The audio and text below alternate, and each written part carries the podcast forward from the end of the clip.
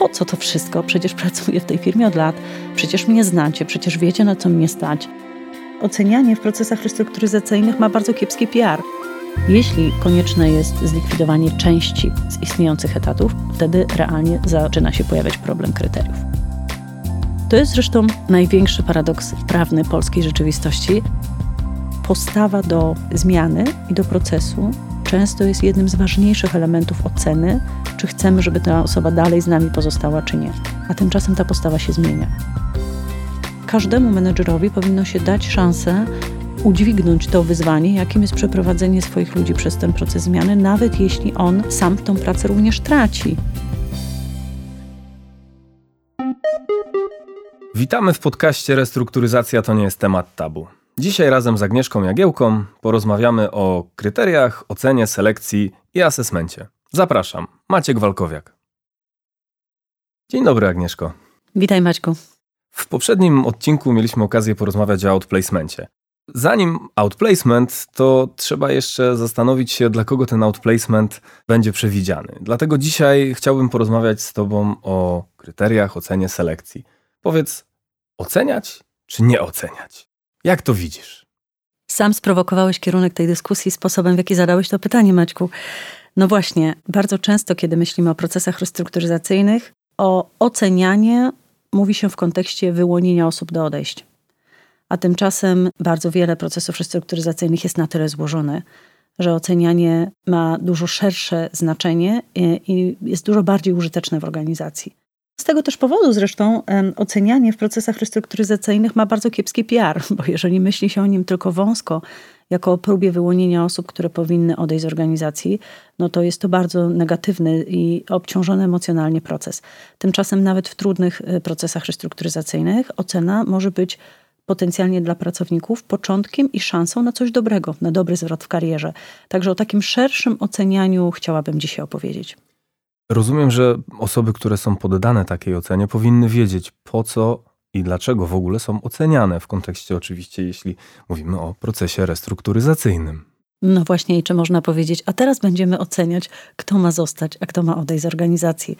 E, myślę, że próba przekazania takiemu komunikatu załodze byłaby z góry skazana na niepowodzenie i byłaby strzelaniem sobie w stopę. Oczywiście tak się nie dzieje. I e, może zacznę od tego, czy ocenianie jest konieczne.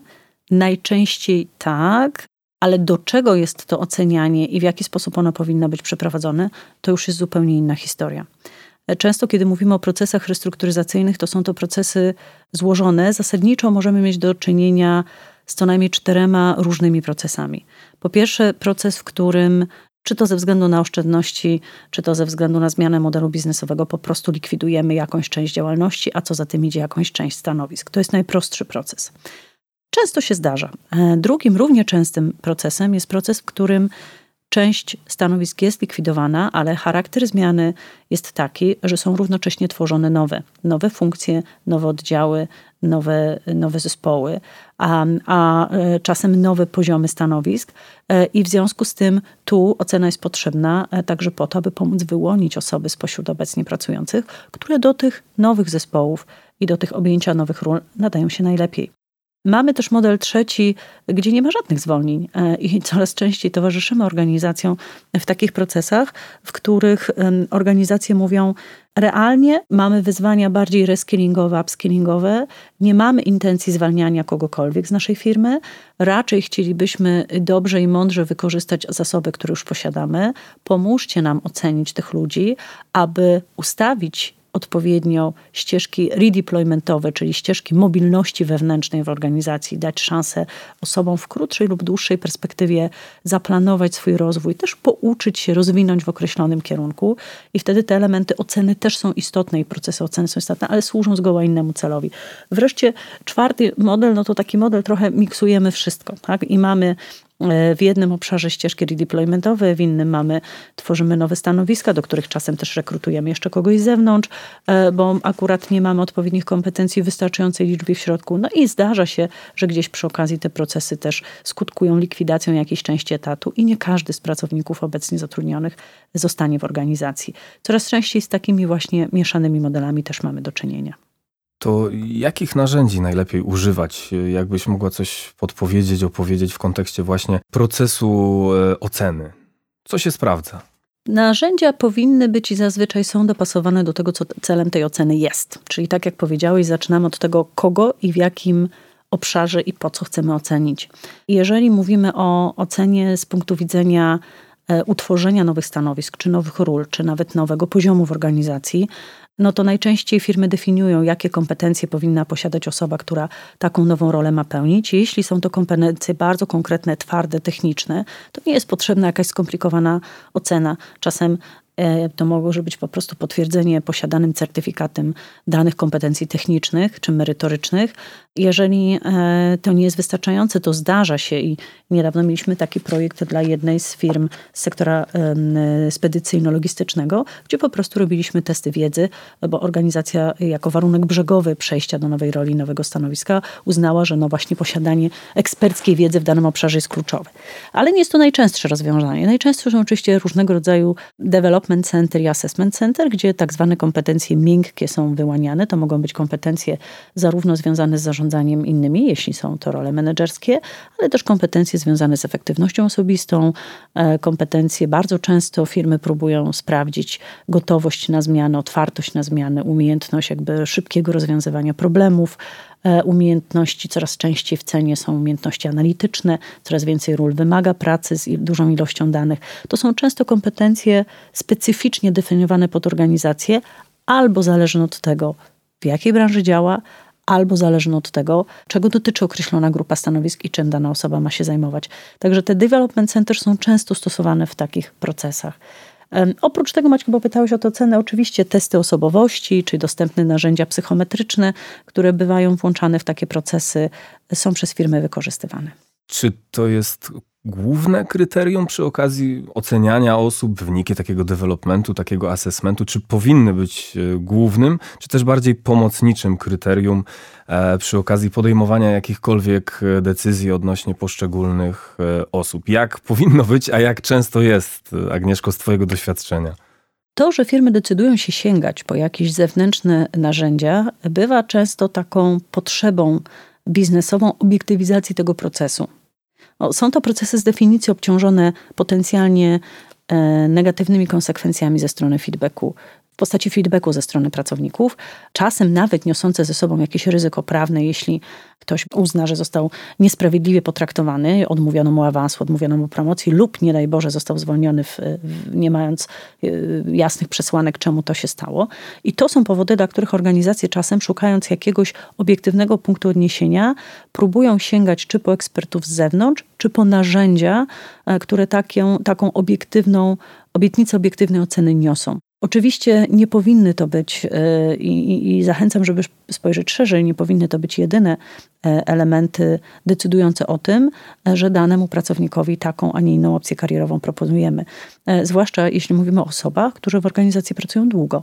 Często oprócz tego brany jest pod uwagę feedback menedżerski, oceny okresowe, jeśli takowe mają miejsce. Czasem firmy mają swoje własne narzędzia, jakieś oceny 360 stopni, które wcześniej wykorzystywały i informacje z tych posiadanych innych narzędzi diagnostycznych, plus oczywiście decyzja menedżera zawsze najbardziej kluczowa, są brane pod uwagę łącznie przy podejmowaniu decyzji karierowych odnośnie zatrudnionych osób. Tak sobie myślę, zaczyna się proces restrukturyzacyjny. Ja jestem pracownikiem. Przychodzi zaproszenie do tego, żebym wziął udział w asesmencie, w developmencie, jakkolwiek to jest nazwane. Przecież to musi być stresujące doświadczenie dla kogoś, kto ma być uczestnikiem. Sama też masz bogate doświadczenie asesorskie. Czy to było widać przy okazji różnych procesów, że ktoś nie jest sobą, że to jest trudne doświadczenie, a jeszcze jeśli na to nałożymy tą komponentę restrukturyzacji, tudzież zmiany, transformacji, bo nazwa może być różna. I jak się ludzie odnajdują w takim asesmencie, będąc jego uczestnikami? Moje obserwacje jako asesora i kierownika projektów ocenowych przez wiele lat są takie, że cokolwiek byśmy o tym procesie nie mówili, jak bardzo neutralny biznesowo byłby kontekst, w jakim to się dzieje i jak bardzo rozwojowe mm, jest to doświadczenie, ono jest zawsze dla ludzi trudne. Po prostu nie lubimy być oceniani. To nie jest komfortowa sytuacja, w której siadamy w jakiejś przestrzeni lub teraz coraz częściej wirtualnie. Zupełnie obce osoby oceniają nas, najczęściej nie wiemy pod jakim kątem, na co zwracają uwagę, a dopiero post factum dowiadujemy się, jakie wysnuli wnioski. Wielu kandydatów ma taką e, oczywistą obawę, że jest to troszkę sztuczna sytuacja i nawet jeżeli aktywności, które zostały dla nich przygotowane, nawiązują do kontekstu biznesowego, e, no zawsze jest to jednak coś, co odbiega od ich doświadczenia i rzeczywistości. Wielu zresztą zadaje pytanie, które ma prawo zadać. Po co to wszystko? Przecież pracuję w tej firmie od lat, przecież mnie znacie, przecież wiecie, na co mnie stać, e, więc trochę nie rozumiem, dlaczego teraz muszę brać udział w jakiejś e, nieco sztucznej sytuacji. I tu jest chyba punkt e, krytyczny. Ja bym bardzo wyraźnie oddzieliła, i zresztą to jasno rekomendujemy klientom, ocenianie potencjału pracownika do objęcia przyszłej roli ocenianie dodatkowe uzupełnienie wiedzy o jego możliwościach, mocnych stronach, o jego motywacji, naturalnych talentach pod kątem rozwoju kariery dalej w organizacji, jeśli myślimy o redeploymencie, to ma sens i tak to powinno być e, sprzedawane w organizacji, komunikowane. Wtedy jest szansa na nieco bardziej pozytywny odbiór. Natomiast jestem absolutnym przeciwnikiem e, wykorzystywania jakichkolwiek procesów development center, czy nawet jakichkolwiek testów do dokonywania selekcji negatywnej. E, I nie dziwię się, jeżeli pracownicy takie procesy kwestionują. Powinniśmy wyraźnie oddzielić sytuację konieczności wyłonienia osób, których etaty mają być zlikwidowane, a one muszą odejść od, z organizacji, od tych, o których mówiłam przed chwilą. Myślisz tutaj o odpowiednim zakomunikowaniu tego? Myślę o zupełnie innym procesie. To rozwiń proszę.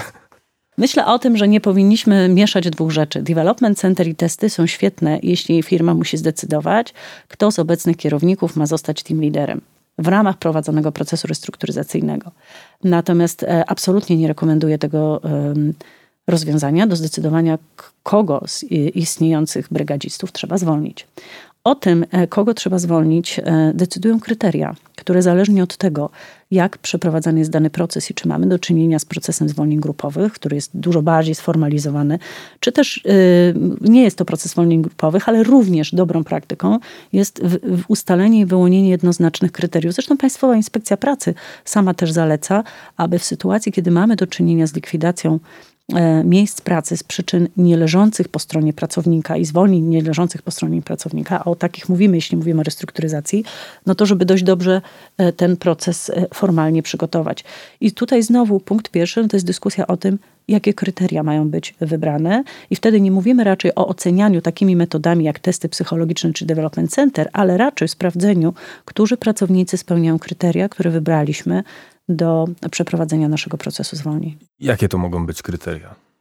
E, no, są oczywiście bardzo różne, ale najczęściej firmy starają się, aby to były maksymalnie obiektywnie i maksymalnie niezwiązane z e, indywidualnym e, zaangażowaniem i performancem pracownika tak długo, jak długo jest to możliwe, jeśli mówimy o zwolnieniach z przyczyn leżących po stronie pracodawcy.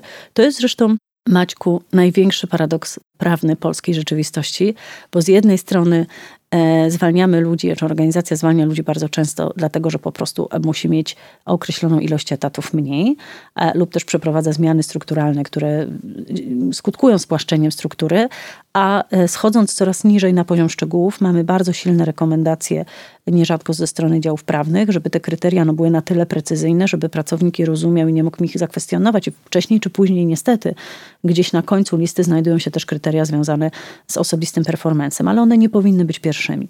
E, najczęściej firmy zaczynają od takich e, kryteriów, które są związane z tym, jak dane stanowisko jest umiejscowione w strukturze. I już mówię, co mam na myśli. Jeżeli mamy dwie organizacje, które się łączą i pewną, pewna pula stanowisk się dubluje, no to kryterium wyboru stanowiska do likwidacji jest oczywiście kryterium stanowisko dublujące się, tak, lub stanowisko istniejące e, w danej organizacji.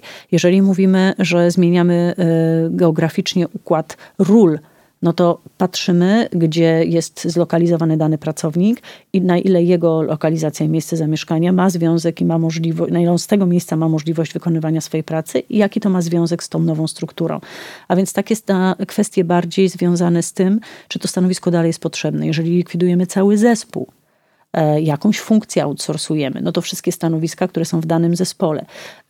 W poprzednim moim podcaście e, opowiadałam o przykładzie pierwszego projektu restrukturyzacyjnego, który kiedyś robiłam i tam na przykład kryterium było związanie pracowników zespołu z danym konkretnym produktem. Jeżeli wycofujemy dany produkt z rynku, wszystkie stanowiska związane z tym produktem są, są wtedy likwidowane. Nie ma wtedy tak silnej komponenty osobistej.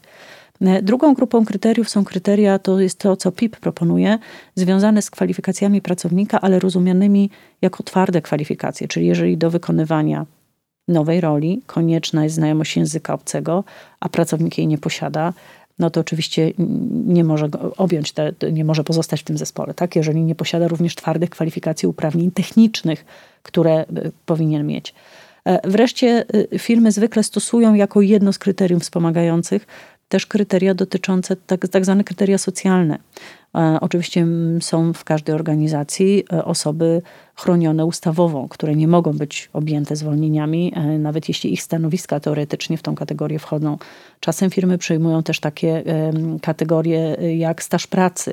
Osoby zasłużone związane z organizacją zwykle są jakby bardziej preferencyjnie traktowane w stosunku do tych, które mają krótszy staż pracy. Forma umowy. Czasem firmy w ogóle nie przeprowadzają zwolnień, tylko decydują się w pierwszej kolejności wygasić umowy czasowe lub rozwiązać kontrakty pracę tymczasową. I to wtedy też jest jakby jeden z pośrednich kroków dochodzenia do zmniejszonej liczby etatów. No wreszcie samotni rodzice, małżeństwa w organizacjach, gdzie staż pracy jest dłuży, historia zatrudnienia długa. Nierzadko zdarza się, że pracują całe rodziny i też jest to decyzja organizacji, jeśli takie kryteria stosuje, a może. To kiedy przychodzą do ciebie firmy, które przygotowują się do procesu restrukturyzacyjnego, to one już wiedzą, jakie kryteria zastosować, nie wiedzą, zastanawiają się, jak my im możemy pomóc. Bardzo często jest tak, że organizacje przychodzą już z pewnym biznes case'em, czyli wiedzą, e, jeżeli mają być zwolnienia, to najczęściej wiedzą, jaki procent pracowników ma tą organizację opuścić. E, czasami wiedzą z jakich działów, no bo czasami, tak jak powiedziałam, sytuacja jest prosta. Jeżeli jest to wyoutsourcowanie jakiegoś zespołu lub funkcji, zasadniczo niepotrzebne są żadne szczególne kryteria, bo wszyscy, którzy pracują w tym zespole w sposób automatyczny tracą pracę, tracą możliwość kontynuowania pracy w tym zespole. Jeśli, e, co zdarza się częściej, konieczne jest zlikwidowanie części z istniejących etatów, wtedy realnie zaczyna się pojawiać problem kryteriów. W praktyce e, organizacje podchodzą na dwa różne sposoby. Albo przychodzą i mówią, to jakie są benchmarki rynkowe, jakie kryteria stosują najczęściej inne firmy w podobnych sytuacjach. Często też korzystają z ekspertyzy prawnej. Zresztą w rozdziale naszej książki ja podałam nieco obszerniej całą listę tych kryteriów. My też często takie benchmarki robimy i pokazujemy, e, które są potem przedmiotem dyskusji przedmiotem dyskusji wewnętrznej, działu prawnego, działu HR, management teamu, e, z tą właśnie intencją, żeby one były jak najbardziej obiektywne, żeby one były jak najtrudniejsze do zakwestionowania i jak najmniej zahaczające o y, możliwy e, indywidualny performance, a jeśli już, to dobrze udokumentowany, tak, żeby nie było one kontrowersyjne. Natomiast druga, e, drugie podejście, no to często jest tak, że menedżerowie oczywiście mają w głowie osoby, które chcieliby, żeby w organizacji pozostały i takie, z których odejściem jakby łatwiej się pogodzą. W związku z tym nierzadko też te dyskusje o kryteriach są też dyskusjami, e, no jednak już z konkretnymi osobami w głowie e, i myśleniem, w jaki sposób zadbać, aby w wyniku, e, no może nie najfortunniej ustawionego procesu, przez pomyłkę nie stracić osób, które są dla nas cenne. I często z tej perspektywy też dyskutujemy. To przychodzi mi jeszcze do głowy taki jeden moment, którego też sam w sumie doświadczyłem, będąc w różnych projektach restrukturyzacyjnych. Moment tej tak zwanej listy. Listy, która na początku jest właśnie tymi kryteriami, jest pewnym opisem, a z czasem ta lista zamienia się w imiona i nazwiska. Czy to jest ważny moment w całym procesie? Czy to jest moment trudny w całym procesie? Bo jak gdyby będąc z boku, przyglądając się temu wszystkiemu, widzę, że to jest moment, w którym pojawiają się emocje. Uśmiechnęłam się, Maćku, bo zadałeś pytanie, na które odpowiedź jest oczywista. To jest też często moment e, najtrudniej e, zarządzalny, e, w tym sensie, że bardzo często dyskusje o kryteriach prowadzone są w węższym gronie Natomiast w momencie, kiedy trzeba już tworzyć listę osób, które mogą stracić pracę w wyniku tego procesu, no to muszą być zaangażowani menedżerowie liniowi. I tutaj uruchamia się wiele wyzwań i trudności, e, począwszy od takiego no, zaufania do menedżerów, które trzeba sobie w tak trudnych okolicznościach zbudować, bo nie zawsze ono jest między osobami z najwyższych stanowisk a kierownikami liniowymi. E, po drugie, no jest to też troszkę taki moment, naturalny moment negocjacji. E, wiemy z wielu projektów, że często też moment, gdzie nie wszyscy menedżerowie równie chętnie do tego procesu przystępują, a czasem niektórzy uważają, że odpowiedzialność za wybór konkretnych pracowników z ich zespołu powinna raczej spoczywać na osobach w innych miejscach organizacji, czy to na szefie działu personalnego, czy na kierowniku zakładu, a może prezesie firmy, a może na kimś innym, kto w zasadzie jest właścicielem biznesowym tej zmiany. To nie są rzadkie postawy, zresztą o tym, jak y, różnie do procesu restrukturyzacji podchodzą menedżerowie, y, opowiada Piotr w swoim podcaście o włączaniu się menedżerów w te procesy, ale to jest często pierwszy taki trudny moment, kiedy my ich zapraszamy do tego, żeby byli właścicielami wyborów E, i ich dokonali, wskazali te, te, te, osoby do odejścia. I to bywa trudne. Bywa trudne również, e, no bo uruchamia naturalne mechanizmy chronienia i swoich ludzi, i swoich zasobów.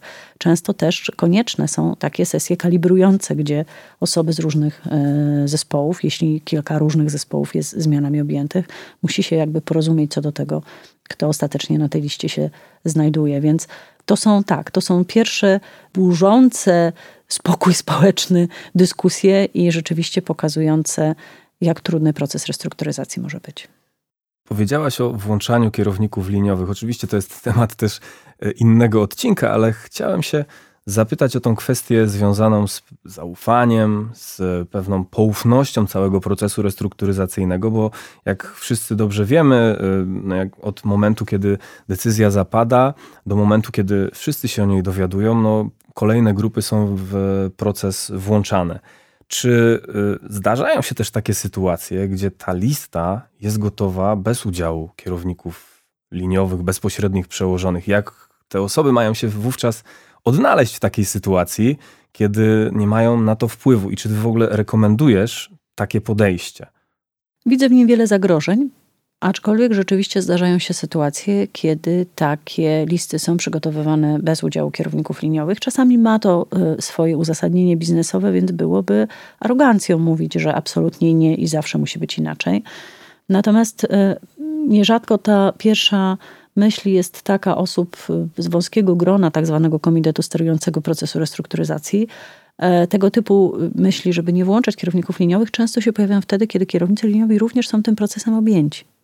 E, I bycie jednocześnie osobą, która odchodzi, a też ma wyłaniać i komunikować pracownikom, że oni też tracą pracę, to bycie w tak trudnym mm, układzie mm, biznesowym jest powodem, dla którego no, przełożeni chcą po prostu osobę odciążyć. I to jest na przykład jedna z rzeczy, gdzie my jasno mówimy, że każdemu menedżerowi powinno się dać szansę udźwignąć to wyzwanie, jakim jest przeprowadzenie swoich ludzi przez ten proces zmiany, nawet jeśli on sam tą pracę również traci.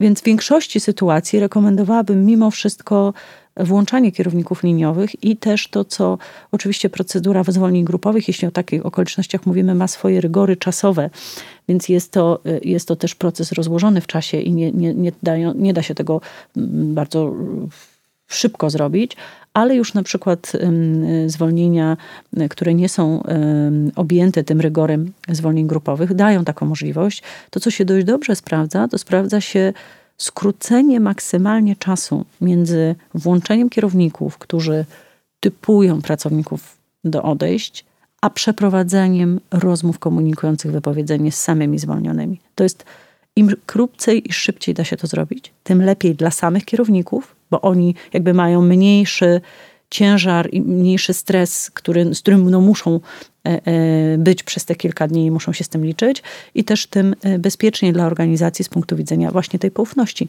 na którą zwróciłeś uwagę. Nasze doświadczenie jest takie, że często firmy się tego boją, ale rzadko się zdarza, żeby te przecieki, czy właśnie zbyt szerokie komunikowanie zbyt wcześnie, kto jest na liście, stało się faktem. Nie można tego wykluczyć. No mamy jeszcze partnera związkowego, który jest też tutaj stroną często w tych procesach y, zwolnień grupowych, ale y, dobrze przygotowana komunikacja do menedżerów, pokazująca im, jakie konsekwencje e, udzielania takich informacji, czy udzielania odpowiadania wprost na pytania pracowników, czy ja jestem na liście, albo czy powiesz mi, jak będę na liście, bo to praktycznie w każdej organizacji takie pytanie kierowniku słyszy.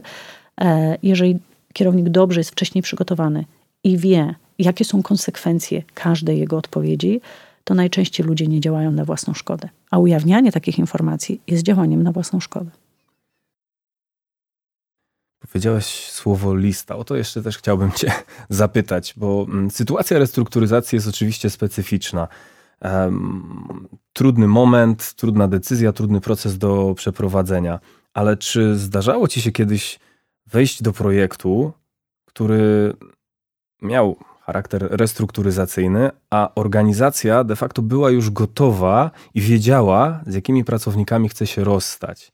Jakby niezależnie od momentu funkcjonowania firmy, czy dobrze jest mieć taką listę gotową, przepraszam za, za, za stwierdzenie, i czy dobrze wiedzieć, jakich ma się pracowników. Oczywiście pytanie znowu zadane z oczywistą odpowiedzią, ale jak to jest w rzeczywistości? Czy firmy wiedzą, jakich mają pracowników? Tutaj trochę nawiązuję do tych wszystkich ocen, do, do diagnostyki, do świadomości organizacji odnośnie e, tego, jakimi zespołami, jakimi pracownikami mm, dysponują. Ale jak jest w rzeczywistości, Agnieszko? E, jeśli ufać temu, co powiedzieli nam klienci w zeszłym roku w naszym badaniu na temat zarządzania talentami w organizacji, to y, jedynie jedna trzecia wie, jakich ma pracowników. Więc myślę, że Maćku, z takiego dużego obrazka to bym powiedziała, y, y, HR menedżerowie, HR biznes partnerzy ankietowani, których było ponad 200 naszego ubiegłorocznego badania, powiedzieli, nie wiemy, nie mamy E, spójnego, konkretnego, pełnego systemu, żeby wiedzieć, jakich mamy ludzi. Też e, tutaj się e, w tym pytaniu tkwi pewna pułapka, mianowicie są różne kryteria czy różne kompetencje, pod kątem których możemy naszych pracowników oceniać. Więc to jest pytanie, ok, czy my wiemy, pod kątem czego. E, e, nie jestem zwolennikiem posiadania listy, kogo bym chciał zwolnić i nikomu bym takiej listy nie polecała robić. E, również z kilku powodów. Po pierwsze, dlatego, że bardzo dynamicznie zmienia się rzeczywistość biznesowa, w której funkcjonują nasze firmy dzisiaj. I to, że ktoś e, nawet przez swojego menedżera jest postrzegany jako osoba słabiej radząca sobie w jednym obszarze, nie oznacza, że nie sprawdzi się w innych zadaniach, w innej roli, w innym miejscu organizacji lub za chwilę, kiedy przyjdzie jakaś zmiana lub jakiś proces restrukturyzacyjny. Bardzo często też, e, jeśli popytamy głębiej, podrapiemy głębiej, pytając, a dlaczego uważasz, że to jest osoba, czy pracownik, z którym nie chciałbyś kontynuować współpracy, to sytuacja nie okazuje się wcale jednoznaczna ani czarno-biała. E, I to też jest, wracając do pytania o to, co w zasadzie determinuje, czy dana osoba e, w jakimś procesie oceny e, jest zakwalifikowana do przejścia do innego obszaru, do awansu, czy do jakiegoś no, nie wiem, zupełnie nowego tworzonego zespołu. Bym powiedziała, to są jednak cztery rzeczy. To jest postawa, to są kompetencje, my głównie mówiliśmy do tej pory o kompetencjach. To jest również motywacja, czyli to, czy ten człowiek chce, i tak zwany fit kulturowy. A o ficie kulturowym się bardzo często mówi dużo w kontekście procesów restrukturyzacyjnych, które polegają na łączeniu spółek, łączeniu zespołów e, lub łączeniu organizacji o różnych kulturach, gdzie w inny sposób się funkcjonuje, inaczej ludzie się ze sobą komunikują, inny jest stosunek do autorytetu formalnego. Inny sposób podejmowania decyzji. Więc może się okazać, że mamy oto pracownika, który generalnie jest pozytywnie nastawiony do zmiany, ma kompetencje, które potrzebujemy, żeby miał, nawet się chce w tej firmie rozwijać, ale no co rusz na, na, natrafiamy na jakieś jego, nie wiem, gafy czy nieadekwatne zachowania, bo pochodzi z organizacji, w której w inny sposób się funkcjonowało i potrzebuje czasu, żeby się w tej organizacji odnaleźć. Więc ja bym trochę powiedziała tak, Punkt pierwszy to popatrzmy na te cztery punkty. Na ten, na ten punkt postawy, na punkt motywacji, na punkt kompetencji, na to, czy ta osoba, o której myślimy w danym momencie, ona rzeczywiście pasuje do naszej firmy, z jakiegoś powodu nie pasuje. I dopiero wtedy zaczynajmy się zastanawiać, czy właśnie warto tworzyć takie listy lub jak lepiej wykorzystać potencjał danej osoby. Przy procesach restrukturyzacyjnych jest pewna specyfika i o tym też warto pamiętać.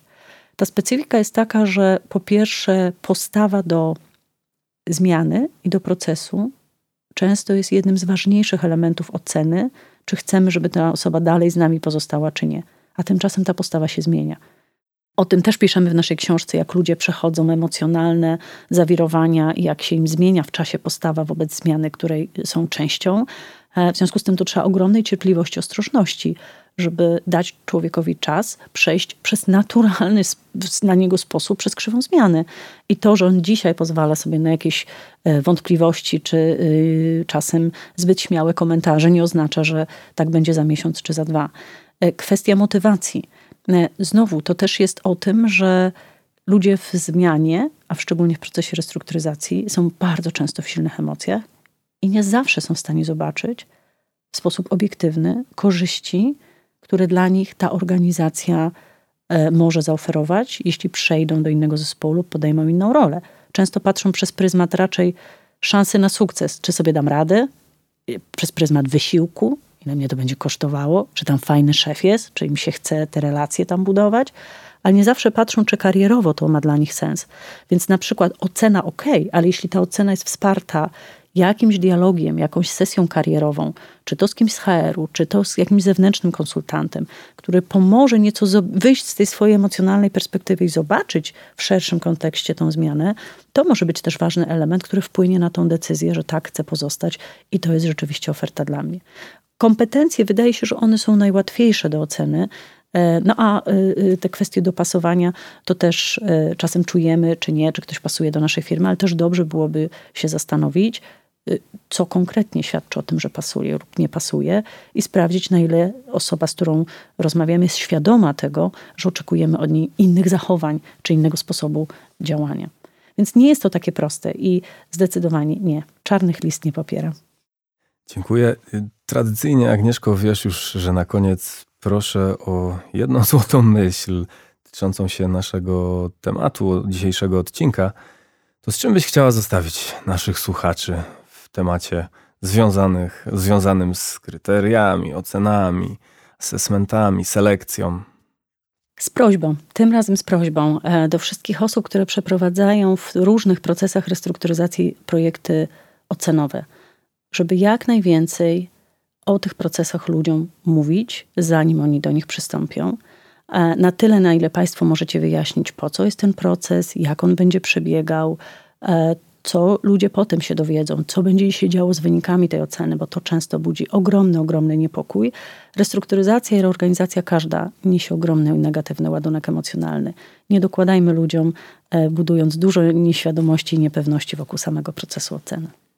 I tą prośbą kończymy. To był podcast Restrukturyzacja to nie jest temat tabu. Moim gościem była Agnieszka Jagiełka. Dziękuję bardzo Agnieszko za dzisiaj. Dziękuję Maćku.